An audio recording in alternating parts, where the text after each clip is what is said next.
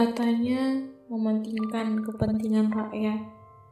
Katanya mementingkan para pengusaha. Katanya memenggal hak-hak orang-orang kecil. Katanya memupuk kekayaan orang-orang kaya. Katanya keadilan sosial bagi seluruh rakyat.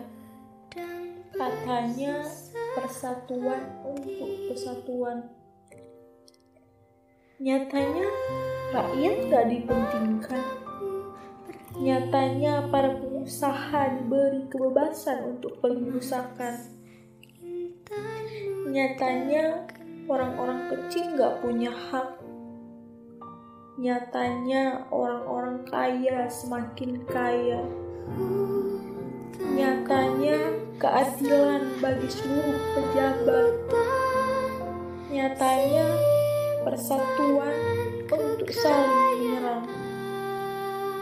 Apa kabar negeriku saat ini? Saya rindu dengan kelantangan suaramu dalam menumpas ketidakadilan. Saya rindu dengan kelantangan suaramu dalam mempertahankan kedaulatan. Saya rindu dengan kasih sayang kepada bangsa yang sedang kesusahan. Saya rindu dengan kecintaanmu kepada seluruh rakyat.